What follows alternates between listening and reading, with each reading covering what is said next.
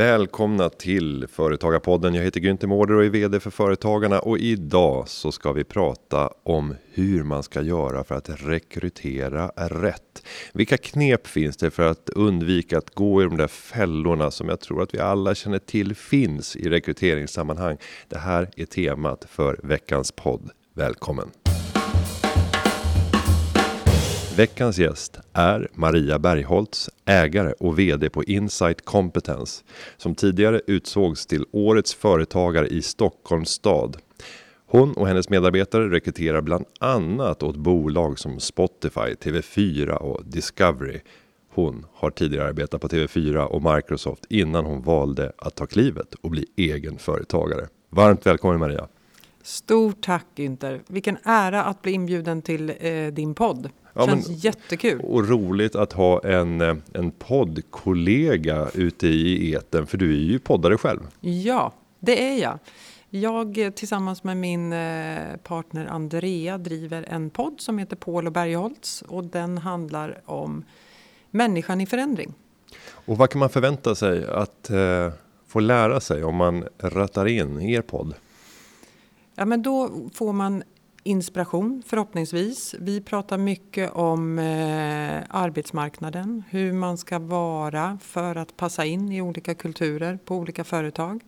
Vi pratar om eh, min kollega då är ju KBT-terapeut så vi pratar mycket om hälsa och psykisk ohälsa och vad som har kommit ur den här pandemin. Det var det som var anledningen till att vi startade den. Eh, för att det har ju kommit mycket eh, funderingar och efterdyningar med den här pandemin. Hur vi mår och hur det funkar att jobba hemifrån och så vidare. Så att vi fokuserar mycket på arbetslivet. Spännande och frågor. Ja, och förhoppningsvis ger vi lite tips. Jag, jag har ju det yrket jag har så att förhoppningsvis kan jag ge lite tips på vad man ska tänka på när man söker jobb och hur man ska paketera sig och så vidare. Och utöver det yrke som du har så kan du också ha en, titulera dig nu då som årets företagare i Stockholm. Eh, hur är den känslan? Nej men det är ju fantastiskt. Det är, ja det var eh, oerhört stort ska jag säga. Eh, och eh, hela den resan och intervjuerna och med den här juryn och nej det var, det var någonstans så fick jag det blev som bekräftelse att det vi gör på Insight Competence, det gör vi bra. Och för att eh, förstå hur årets företagare ser ut så utses ju det i ungefär 240 olika kommuner. Ibland är det sammanslagna kommuner utifrån företagarnas lokalföreningar. Eh, och sen är det en länsfinal och sen är det en riksfinal. Jag ska göra en shout-out så det blir inte så här reklampaus här mitt i. Den 15 oktober, fredagen om det är en fredag, men den fredagen som är närmast 15 oktober, vilket sannolikt är en fredag, så är det dags för galan i Stadshuset i Stockholm. Och där är man som medlem välkommen och kan köpa biljett till galakvällen. Eh, ett oerhört häftigt ställe att kunna få träffa mängder av årets företagare runt om i hela Sverige. Men om vi då går till efter den här reklampausen ditt eget företagande och det som har fört dig till att bli årets företagare i Stockholm. Vad är det ni gör? Vi är ett konsult och rekryteringsföretag inom marknad, media, försäljning och tech. Så att vi rekryterar personer till de största mediehusen, marknadsavdelningar och mediebyråer i framförallt Stockholm.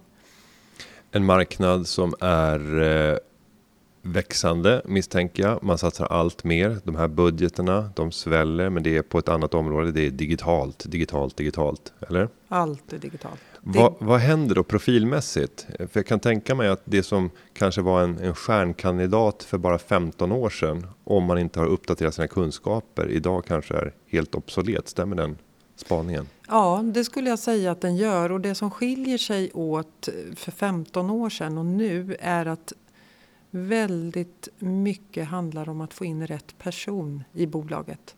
Tidigare upplevde jag att man bara tittade på kompetensen. Nu tittar man självklart på kompetensen men personligheten är oerhört viktig. Det gäller att få in rätt person i bolaget. För det, får du in fel person så kan det få ganska stora konsekvenser. Så att nu pratar man väldigt mycket om person. Och om vi då tittar på den här branschen och att rekrytera till den. Vad är de viktigaste egenskaperna att leta efter för att kunna sätta en, en bra rekrytering? Och jag förstår att alla har olika behov och så vidare. Men finns det någonting generellt man kan säga om dagens rekryteringar till den här typen av funktioner? Ja, men jag skulle säga just det här personligheten. Eh, och det är framförallt också nu i en pandemi när man sitter hemma. Vi har ju rekryterat hundratals personer under de här 17 månaderna. Eh, där våra kandidater inte ens har träffat arbetsgivaren, har inte träffat oss, kommer sitta hemma, man har inte träffat några kollegor. Och då behöver du ha ett inre driv för att klara av att lösa de uppgifterna som arbetet krävs. Så jag, jag pratar väldigt mycket om, för oss, kompetensen är ganska lätt att hitta. Men det är det personliga som är det svåra. Och det där samstämmer också med en rapport som vi släppte där vi tittade på den höga arbetslösheten som finns i Sverige samtidigt som företagen skriker efter arbetskraft och det främsta tillväxthindret är svårigheten att hitta rätt kompetens. Och vi gick ut och gjorde en undersökning där vi såg att 140 000 jobb och det här var innan pandemin, men jag tror att det kommer se likadant ut nu efter. 140 000 jobb blir inte tillsatta för att man inte hittar rätt person. Mm. Och samtidigt så har vi en gigantisk mängd utanför arbetsmarknaden. Och då är frågan så här, varför kan man inte anställa dem? Och då började vi ställa frågor kring vad är det man söker efter? Och då var det inte de formella kompetenserna. Utan det var mer de mjuka mänskliga värdena och det handlade om attitydsfrågorna. Det var där det landade. Mm. Och det är svårt att säga till någon att vi döpte rapporten till det är attityden, dumbom. Eh, för att bara illustrera det här problemet. Att det handlar inte om att bara göra utbildningsinsatser utan det handlar om att också förändra en personlighet till att också passa i en värld där man ska interagera med andra. De här attitydsfrågorna, du verkar nämna dem som, som centrala ja. även, för nu pratar vi inte om att man går från arbetslöshet. Du rekryterar ju alltid i princip, va? Mm. tänker jag, från mm. någon som redan har ett jobb yes. till ett annat. Um, vad är skillnaderna?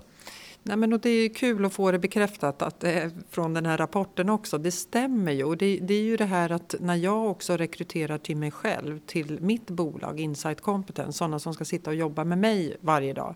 Då handlar det ju inte om att få in en rekryterare som har gjort det här i åtta år. Det är inte jag så intresserad av utan det handlar om jag vill få in rätt personer och det är så jag har byggt framgången i mitt bolag. Jag omger mig av helt rätt personer. Jag har rätt personer på plats. Och då har jag inte rekryterat någon som har erfarenhet av rekrytering. Och när man rekryterar och själv är en rekryteringsfirma, är det eh, självklart att man rekryterar själv eller kan man till och med tänka sig att ta hjälp?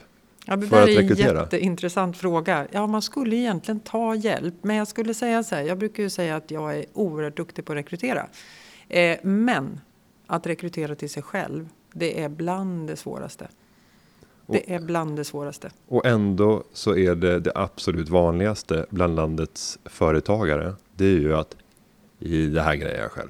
Mm. Jag grejer det mesta själv mm. faktiskt. Och man har ganska gott självförtroende. Det var ju därför man startade företag. Hade mm. man trott att man var sämre än snittet så hade man ju gått med i facket och kramat en anställning. Mm. Eh, men någonstans så tror man att man är väsentligt mycket bättre än andra och därför startar man sin firma. Mm. Jag möter rätt få småföretagare som faktiskt tar professionell hjälp. Det är först när bolagen har börjat bli lite så här, nått en kritisk storlek och börjar kanske vara över en 10-15 medarbetare som frågan ens lyfts om att ta in en firma för att hjälpa till i, i rekryteringar.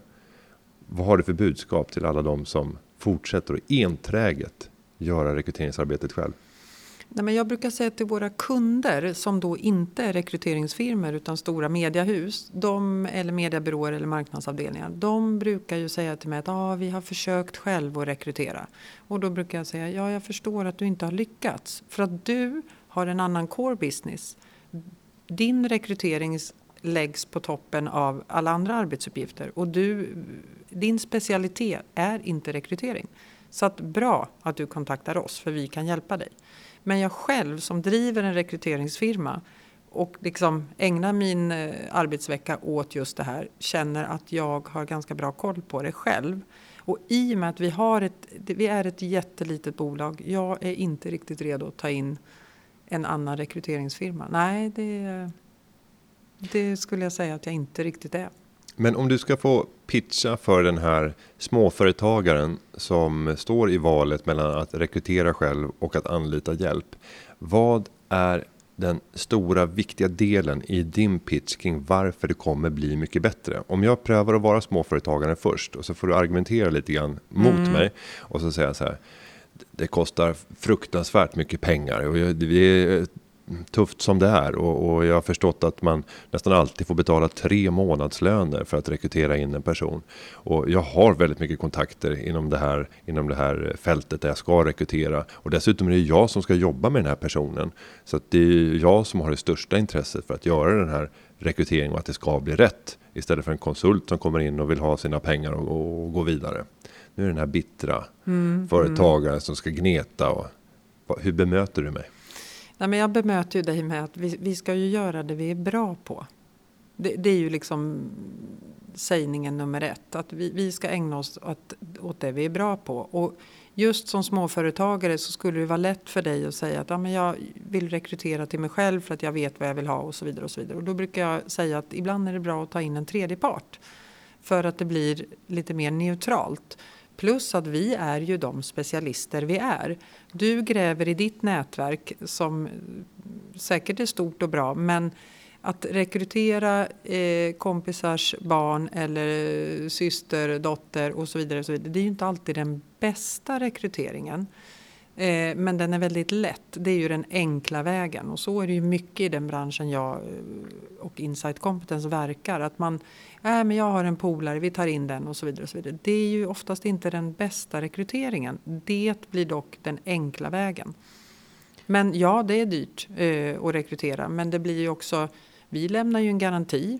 Jag menar, gör du en felrekrytering själv så står du ju där eh, när kandidaten ska signa och sen så drar den någon annanstans, då står det ju på ruta noll igen.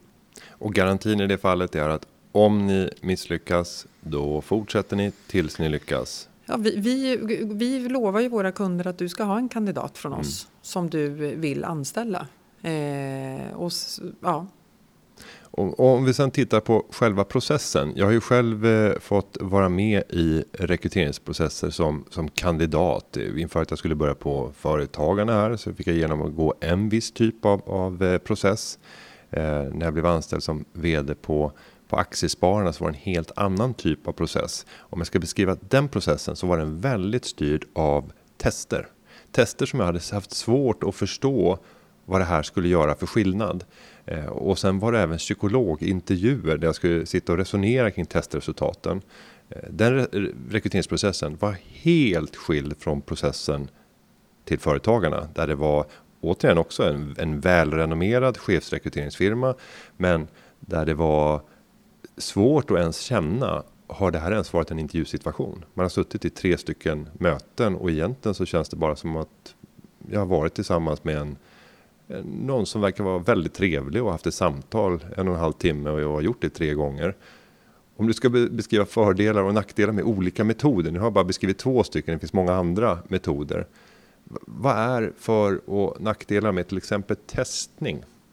Ja, men jag upplever att test kan vara ett komplement men det ska inte vara så stor del av en rekryteringsprocess.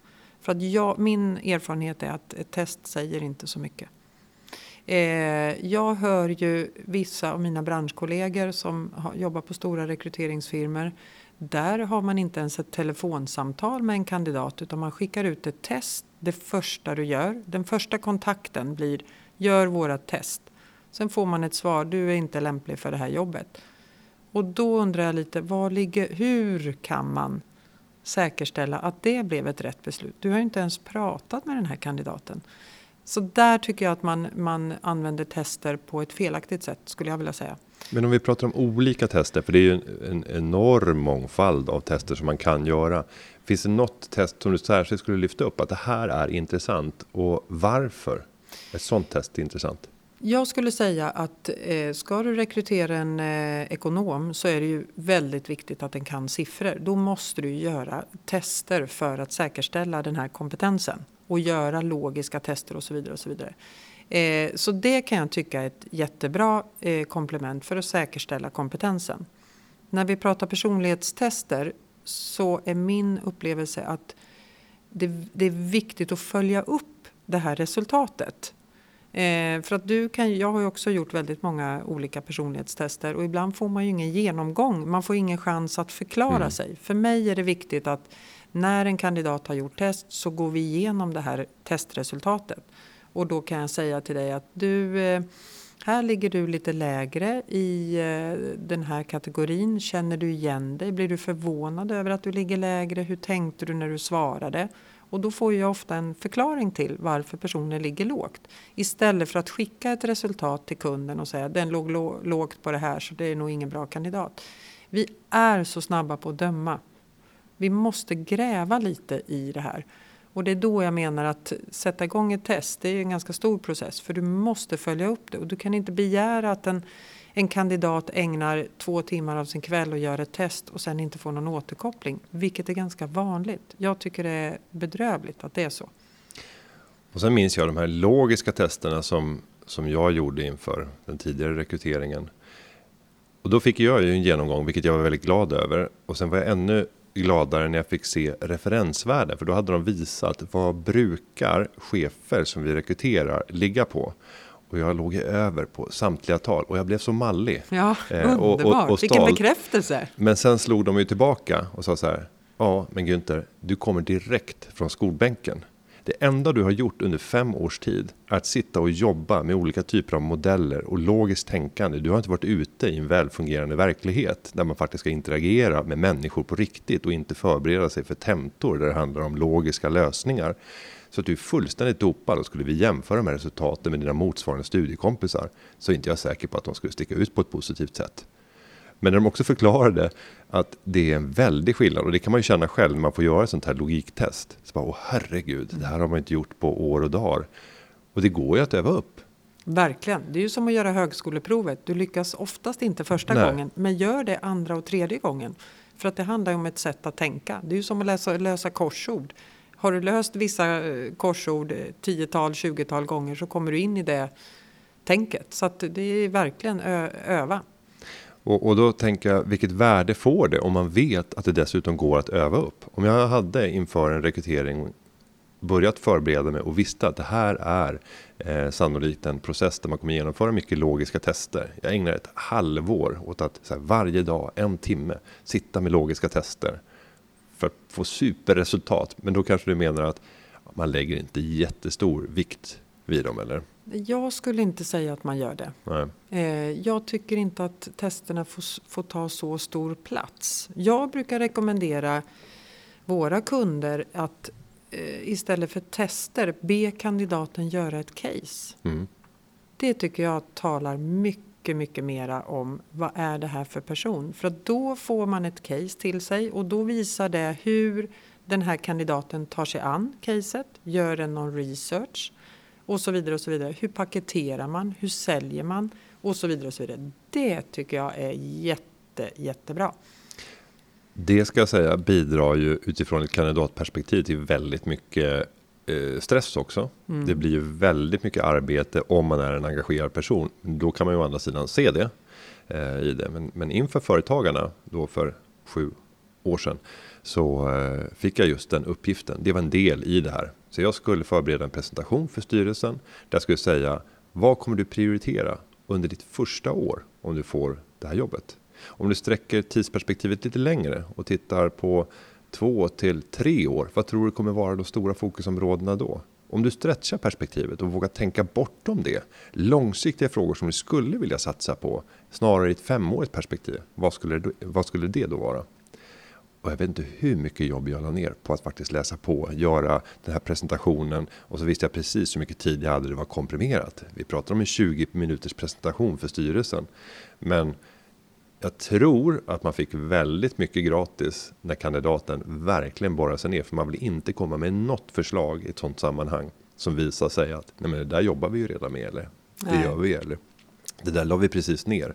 Så du läser på om historien, var man befinner sig i dagsläget, pratar runt med andra inom liknande bransch eller som kan ge ytterligare perspektiv. Mm. Jag tror att det var ett ganska smart sätt. Verkligen. Eh, och, och, och, som sagt, det är ju många av de kandidater jag dagligen träffar som säger, vet du vad Maria, att söka jobb är ett heltidsjobb. Mm. Och det är precis det du bekräftar. Jag menar, är du inne i tre olika rekryteringsprocesser och ska göra case och ska göra tester, det är ett heltidsjobb. Mm. Men utöver rekrytering så är ni också konsulter. Ja. Och det har du inte nämnt någonting om. Vad är det ni gör som konsulter? Vi hyr ut konsulter och det, det här är ju liksom våran stora affär. Eh, 80 procent av våra intäkter kommer från konsultaffären. Eh, och det är där vi är lite unika skulle jag säga. Och det var det som var upphovet till att jag startade den här firman. Det var just det här att jag upplevde att man kunde ringa till de här stora rekryteringsföretagen och hyra in en ekonomiassistent eller en receptionist. Men du kunde inte ringa till någon byrå och hyra in en Adops till en mediebyrå eller en digital planerare till en mediebyrå. Det ska jag starta. Så det var liksom grunden till att eh, starta det här bolaget. Och, och de guldäggen som du sitter med i form av duktiga medarbetare som är möjliga att skicka ut på uppdrag många kunder kommer väl att vilja anställa de här mm. personerna. Mm. Eh, hur gör man i den skärningspunkten? Skriver man avtal från din horisont att nej, man får inte anställa konsulter med mindre än att man betalar så här mycket för att köpa loss eller? Mm. Precis så är det, för att vi kan ju inte, då skulle vi aldrig få ihop våran affär. Så att någonstans, vi, vi har ju eh, avtal som säger att efter du har hyrt in den här konsulten på sex månader så kostar det så här många kronor att anställa den. Och vårt högsta betyg är ju när våra kunder anställer våra konsulter mina medarbetare kan ju ibland slås av att ah, det blir tråkigt, jag tappar en konsult, de har anställt den nu. Ja, säger jag, men vilket jobb du har gjort. Förstår du att du har hittat en sån bra kandidat så att kunden vill anställa den? Vi får inte bättre betyg. Då, då får vi springa på nästa. Och om vi ska så här skärskåda den där modellen lite grann och säga vad kan man avtala om? För det är klart att ett företag tillsammans med ett annat företag kan avtala om vad som helst egentligen, eh, så länge det är inom lagens ramar. Och även så här att ni får inte rekrytera Günther Mårder. I sådana fall så måste ni betala den här summan till mig. Jag kan signa på ett sådant avtal. Men om Günther Mårder aktivt söker upp det här företaget och själv söker jobb. Mm. Och, och, då är frågan, ja. Hur kan man skydda sig? Hur skyddar man sig? Och För, det kan man inte. Nej, utan det är förtroende Ja, det är för mm. du kan inte låsa in. Jag kan ju inte säga till dig, men du är min Günther. Du, nu har ju du, jag har hjälpt dig till det här, så du ska vara åt mig. Alltså, det går inte att låsa upp personer på det sättet, utan det handlar om ett förtroende och så vidare och så vidare. Och det, du kan skydda dig med, med vissa avtalspunkter, men eh, utan, nej, du kan inte skydda dig helt. Så är det. Och ska vi reda ut en annan sak också när vi pratar nu om eh, rekryteringar och att eh, vi kanske har personer som lämnar som sen måste rekrytera. Konkurrensklausuler som man har inskrivet med sina anställda. Där man säger att du får inte ägna dig åt konkurrerande verksamhet eller gå till någon av våra konkurrenter med mindre än att det har gått sex månader eller 12 månader. Den där typen av klausuler förekommer ju rätt ofta i avtal. Vill du ge lite perspektiv på hur starka eller svaga de där paragraferna egentligen är? Jag skulle säga att de är ganska svaga. För att någonstans, om jag tittar på mina medarbetare så har ju de ett, ett avtal där, de, där det står att de får inte ta med sig insight kompetens kunder om de skulle gå någon annanstans. Det är ett ganska vanligt mm. klausul. Men du kan återigen inte låsa... Kunderna får ju välja vart de vill gå. Och det här satt ju jag i, i och med att jag lämnade ett bolag och startade ett eget. Så, så kom vi just in på de här diskussionerna, att vad, vad gäller? Kunden bestämmer ju. Mm. Så att även om min medarbetare har eh, tio kunder som är insight kompetens kunder och hon går någon annanstans så är det klart, vill kunden följa med henne, inte kan jag låsa upp det.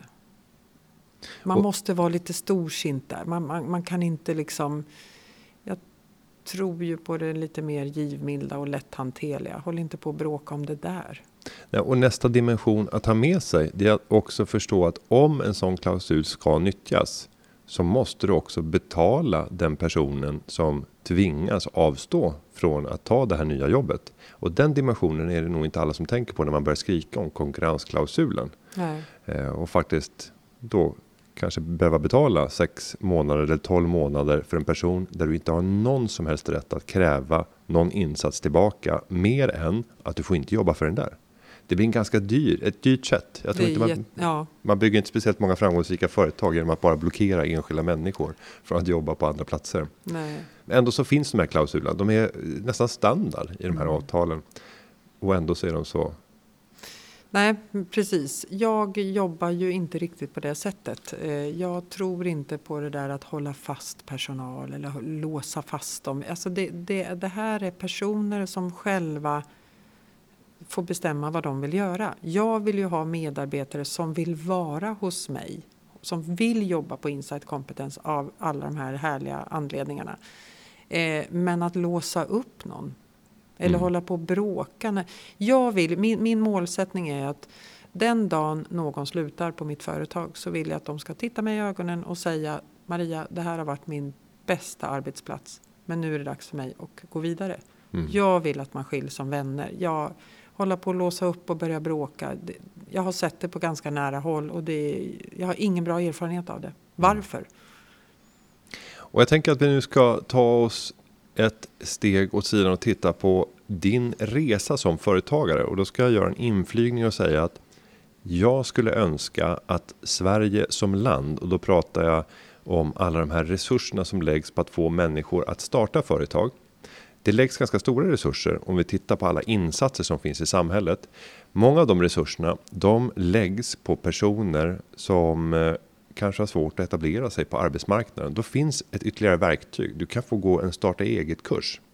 Och jag blir nästan allergisk när jag ser att man använder det som ett verktyg för att få en människa ut ur arbetslöshet. Så om du inte ens kan etablera dig på ordinarie arbetsmarknad, vad är sannolikheten att du ska kunna starta ett företag och kunna etablera dig? Det enda sättet det är att dumpa ditt eget pris.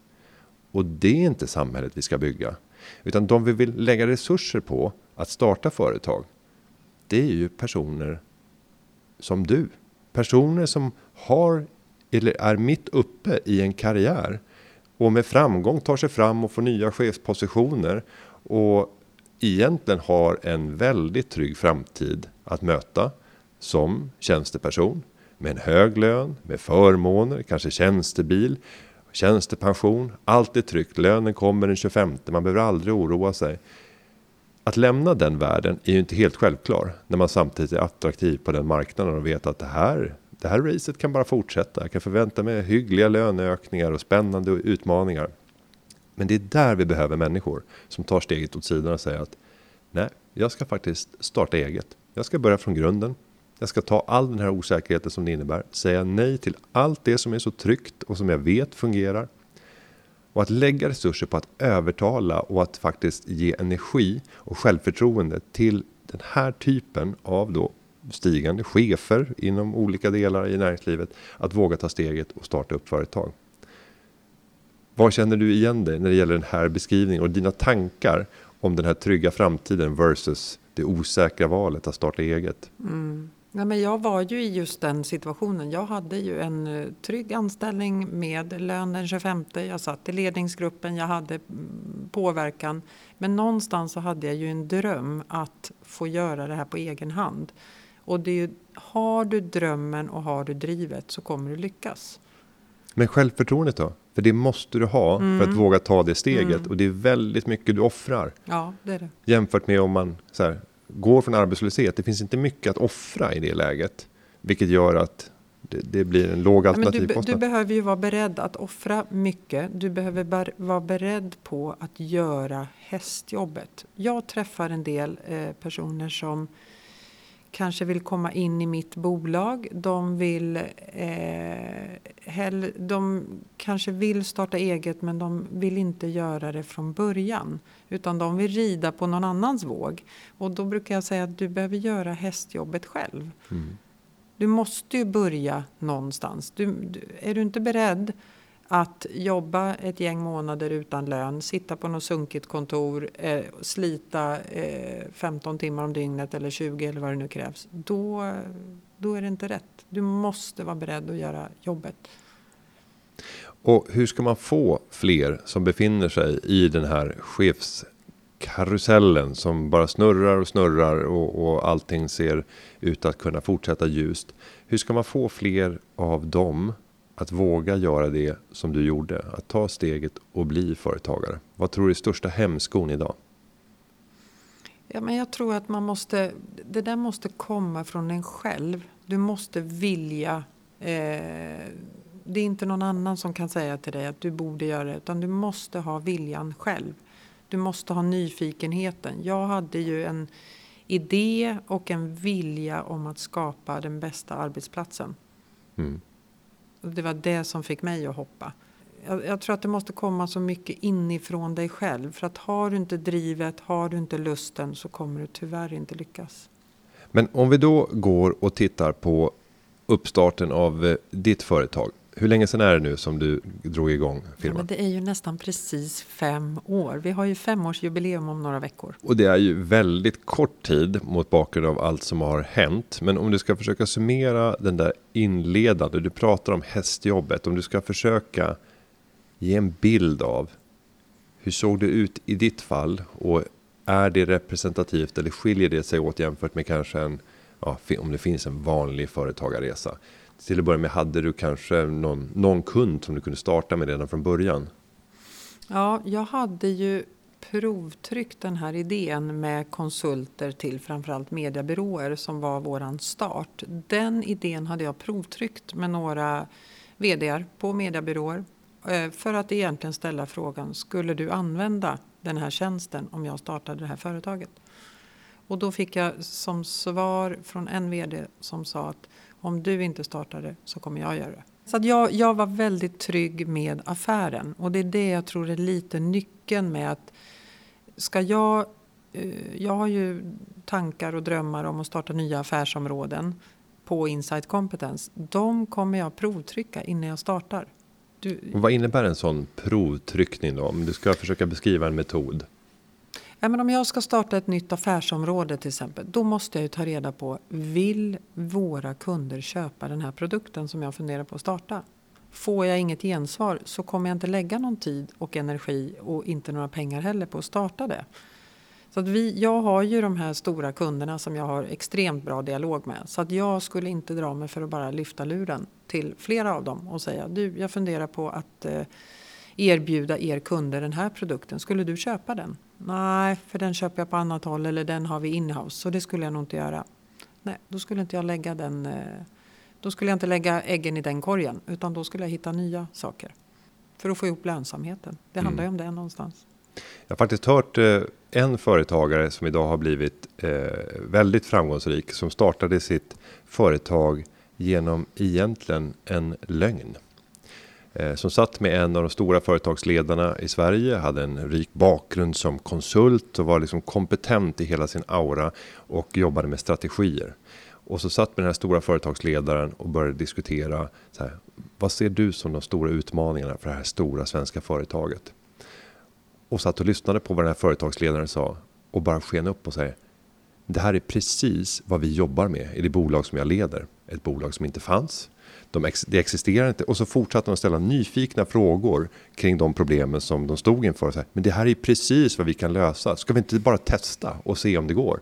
Och sen så plötsligt så fick han ett uppdrag i sittande bord och började rekrytera ihop ett gäng av gamla kollegor och liknande som han hade haft från konsultbranschen och byggde upp ett av de mest framgångsrika konsultbolagen i Sverige utan att ens ha tänkt tanken att göra det ursprungligen, men bara börja att lyssna i ett kundbehov och säga men det är precis vad vi gör. Och det handlar ju företagarna om. Det handlar om att lyssna på kunden och lösa det problemet som uppkommer. Och är man en nyfiken person med stora kunskaper inom det området, området så kommer du hitta vägar fram. Och att kunna möta kunden på precis det sättet som de önskar. Och att kunna skina upp och säga, men vi gör ju det här, precis det här. Fantastiskt. Eh, ja, jag, men lite vågat. Jag som då eh, är mycket med hängslen och livrem och så, hade ju aldrig vågat säga det där.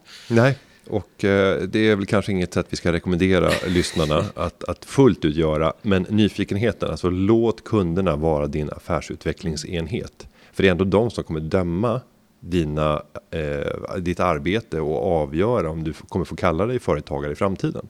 Så det är dina kunder som mm. måste styra utvecklingen. Sen drömmer ju alla och när vi läser om så här, det extremt framgångsrika entreprenörskapet så är det ju nästan alltid de här entreprenörerna som har kommit upp med revolutionerande produkt eller idé som har omdanat en marknad. Ja, men om vi tänker med Steve Jobs. När man kommer med en revolutionerande produkt och så här, nu kom iPhone. Och det var ingen som hade ställt frågan att det jag vill ha det är en smart telefon. Eh, man ville ha längre batteritid på sin Nokia. Det var det man ville ha och man ville ha lite bättre mottagning och man ville kunna skriva lite fler text eller texttecken än 144 i sms. Det var, det var det vi ville ha, ungefär som på Henry Fords tid. Vi vill ha snabbare hästar. Eh, vi vill inte ha en bil. Men den där typen av revolutionerande entreprenörskap får ju väldigt stort utrymme i rapporteringen, vilket skapar kanske en skevhet tänker jag kring vad företagande handlar om. När det oftast är bara ständiga små förbättringar. Att göra någonting lite annorlunda. Inte revolutionerande, lite annorlunda. Vad, vad tror du att det här förkärleken till att rapportera om det här revolutionerande entreprenörskapet får som konsekvens för synen på företagande? Nej, men jag tror att ibland kanske man tänker att det måste vara så stort och revolutionerande. Jag tror inte alltid att det behöver vara det. det nyckeln kan vara ganska enkel till framgång. Du behöver inte komma på en produkt som eh, in, ja, du behöver inte göra det så stort, det, det, skulle jag säga, utan börja i liten skala. Och det enklaste att tänka, det är ju så här, vad gör jag idag? Du har sannolikt en chef idag, om du inte själv är en chef, om vi nu pratar om en person som är anställd. Så här, hade du kunnat göra det du gör och de problemen som ni löser, om du hade fått bestämma, om du var VD, hur hade ni löst problemen? Hade det sett annorlunda ut jämfört med idag? Och har du massa idéer om hur du hade gjort saker och ting annorlunda?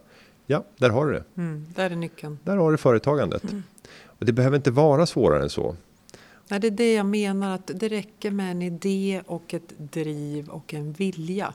Och har du då förmånen att provtrycka din idé på en potentiell kund så är det ju fantastiskt. För att du behöver ju veta att du kan sälja din produkt eller dina tjänster.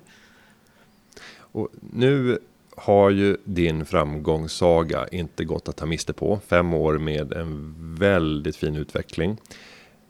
Men när jag står och gör intervjuer med många som har här, tagit emot priset som årets företagare så verkar det finnas nästan en så obligatorisk replik och den lyder så här. Hade jag vetat hur mycket arbete som låg bakom så jag är inte helt säker på att jag hade startat upp det här företaget. Det är nästan som på beställning. Är det där en replik som du hade kunnat ta i din mun? Nej, det är det faktiskt inte. Men däremot, Härligt! Nej, det är faktiskt ja, det är det inte. Glad. Jag ångrar inte en dag av detta. Nej, inte, och det gör ju inte de här som säger det heller. Nej, men, man, men det, ska, det, ingår i liturgin ja, att man ska säga det. Jag skulle snarare säga så här att för mig har det handlat om tajmingen. Mm. Jag, jag, kan uttrycka mig att det här hade jag aldrig kunnat göra för åtta år sedan när jag hade mindre barn. Mm. För jag hade aldrig kunnat jobba så här mycket. Det kan jag absolut säga och, och, stå för att det här hade inte funkat i mitt liv att starta det här bolaget för tio år sedan.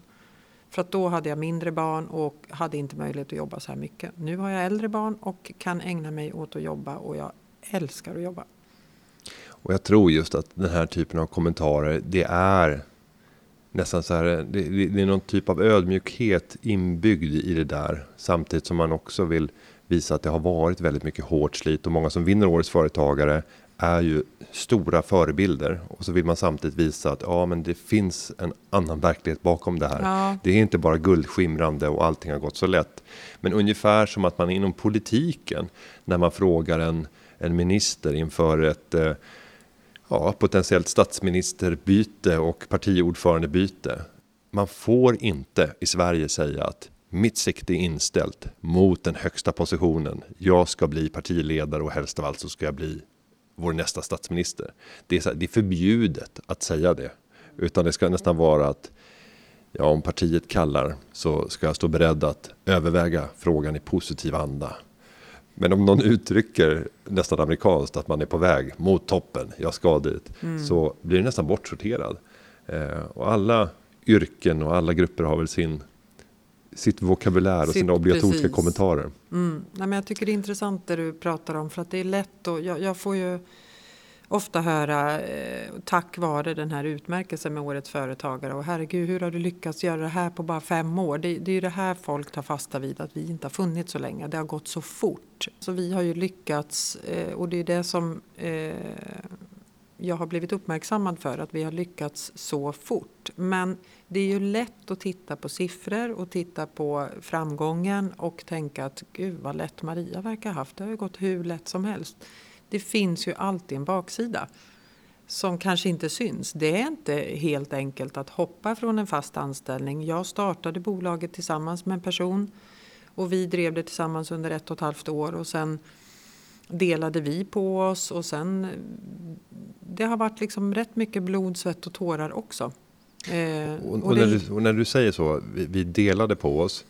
Det är inte ofta som det sker utan smärta. På, och, jag, jag, tänker en, en sån typ av, av separation, när man har gått ihop för att man drömde om att skapa någonting och sen kommer man till insikt med att ofta vi vill olika saker. Mm. Och så här, det, det är en återvändsgränd. Mm. Nu måste vi göra, hur ska man tänka i de lägena? När det man drömde om och trodde på tillsammans visar ja, sig inte fungera. Jag tror inte man ska vara så hård mot sig själv. Jag ja. tror att det här är ganska vanligt. Eh, så att var inte så hård mot dig själv. Jag kan ju känna en enorm tacksamhet att vi gjorde det här tillsammans. För jag hade kanske inte gjort det här helt själv. Men sen vill man olika saker och det växer fram under en tid. Man vill olika saker med ett bolag och då är det ju bättre att man delar på sig så man får göra sina saker som man drömmer om. Jag tror inte, och det är lätt att säga nu tre och ett halvt år senare, men jag tror inte man ska vara så hård mot sig själv och döma. Att, för det är lätt att känna sig rätt misslyckad. Mm. Jag, jag, tyckte att det var rätt tufft liksom att, att vara helt ensam i allt det här. Så. Mm. Och, men du får inte döma dig själv och vara för hård.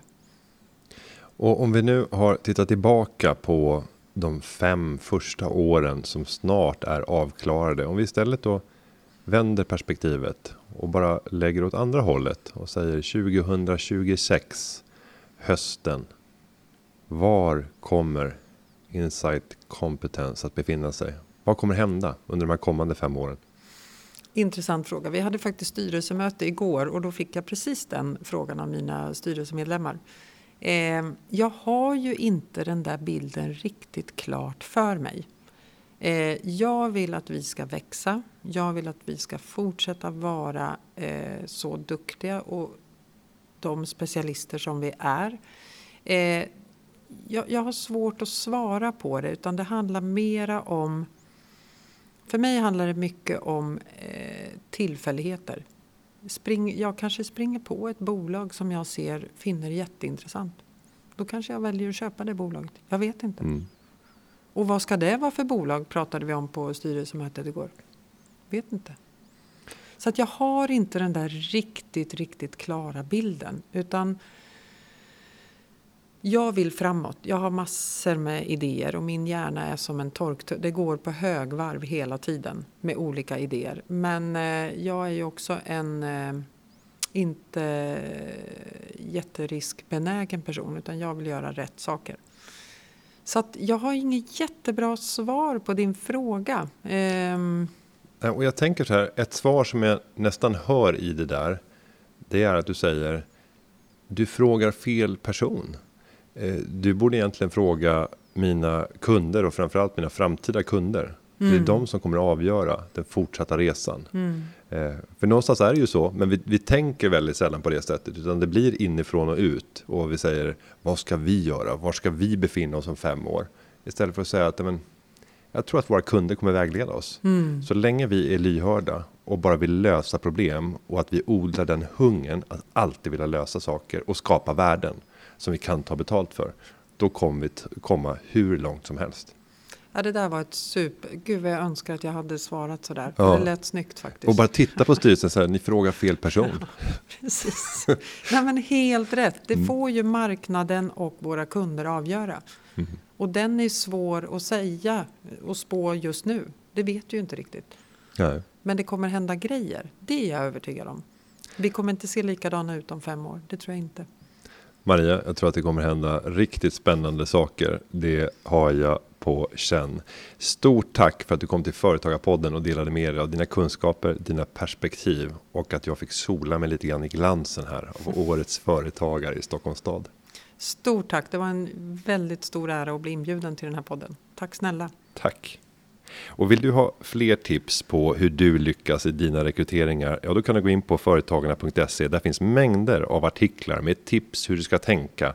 Eh, gör gärna det, för vi vet att just kompetensförsörjningen är den största utmaningen för småföretagare. Klippningen av den här podden den är gjord av Petra Chu och underlaget är förberett av David Hagen. Vi hörs igen nästa vecka. Ha det så gott! Hej då!